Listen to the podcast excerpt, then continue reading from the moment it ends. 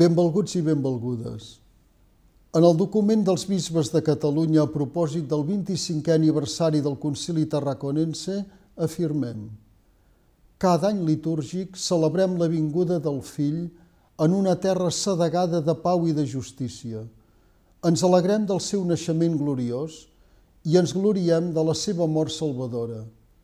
Passem de la menjadora al sepulcre i el testimoni de la seva resurrecció. En aquest cicle anual, centrat en la Pasqua, hi poem la nostra fe, tot vivint en el dia a dia la joia del Senyor ressuscitat.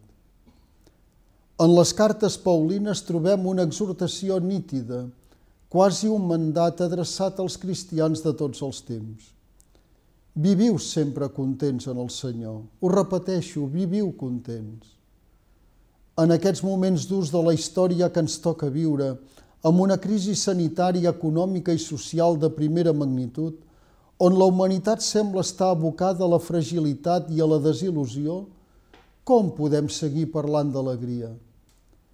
I tanmateix, si per a tot el món l'alegria es relaciona amb l'arribada d'un bé, d'una bona notícia, podem els cristians presentar-nos davant el món amb cares llargues i avorrides?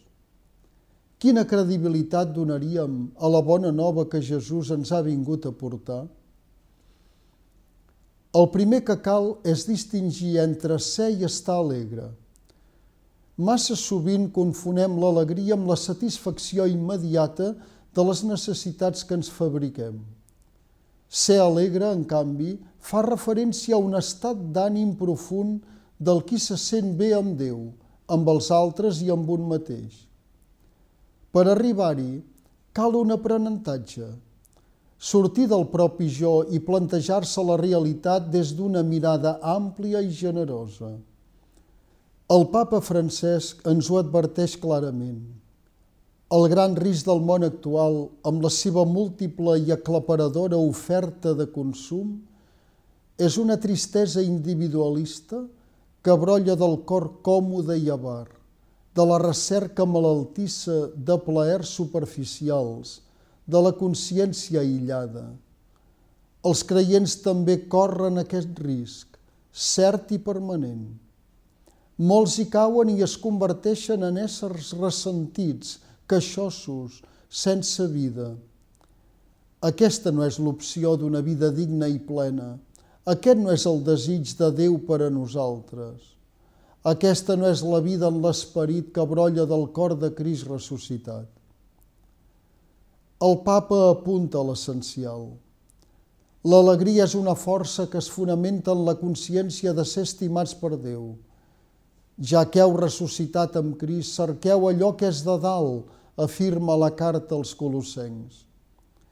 Qui roman en el Senyor, qui prova les delícies del seu amor, no pot deixar d'estar content. Per això en els evangelis contemplem moments corulls d'alegria, una alegria lligada al do de l'esperit i a la contemplació i agraïment per les gestes divines.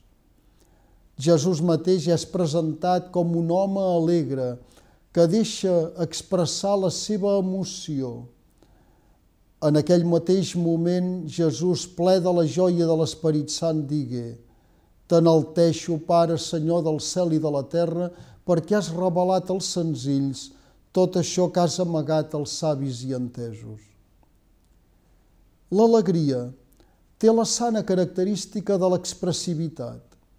El cos no pot contenir-se. Espontàniament sorgeix un crit, una dansa, un cant, una rialla. La persona de fe que sap de qui s'ha fiat no pot deixar de ser alegre, transparent, despresa, vital. I si això ho duem a les nostres comunitats cristianes? No es tracta d'una evasió de la realitat, d'una necessitat de consol que cerca solucions imaginàries. Al contrari, aquesta alegria exigeix testimoniar el seu regne, edificar una humanitat fraternal.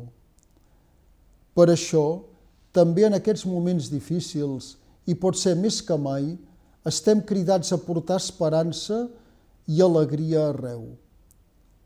Ben segur que en aquests moments ens sentirem tots una mica més pobres, però com afirmem els bisbes en el document esmentat, tot al·ludint al mestratge del papa Francesc, els pobres són membres a ple dret de l'Església, de la comunitat de salvats que viuen la joia del Senyor. És clar que els moments de sofriment provocaran tristesa i desànim, però mai no serà aquesta la darrera paraula. Perquè, com deia el germà Roger de Tesé, inspirant-se en Sant Atanasi, Crist ressuscitat fa de la vida de l'ésser humà una festa continuada. Adeu-siau i fins la setmana vinent, si Déu vol.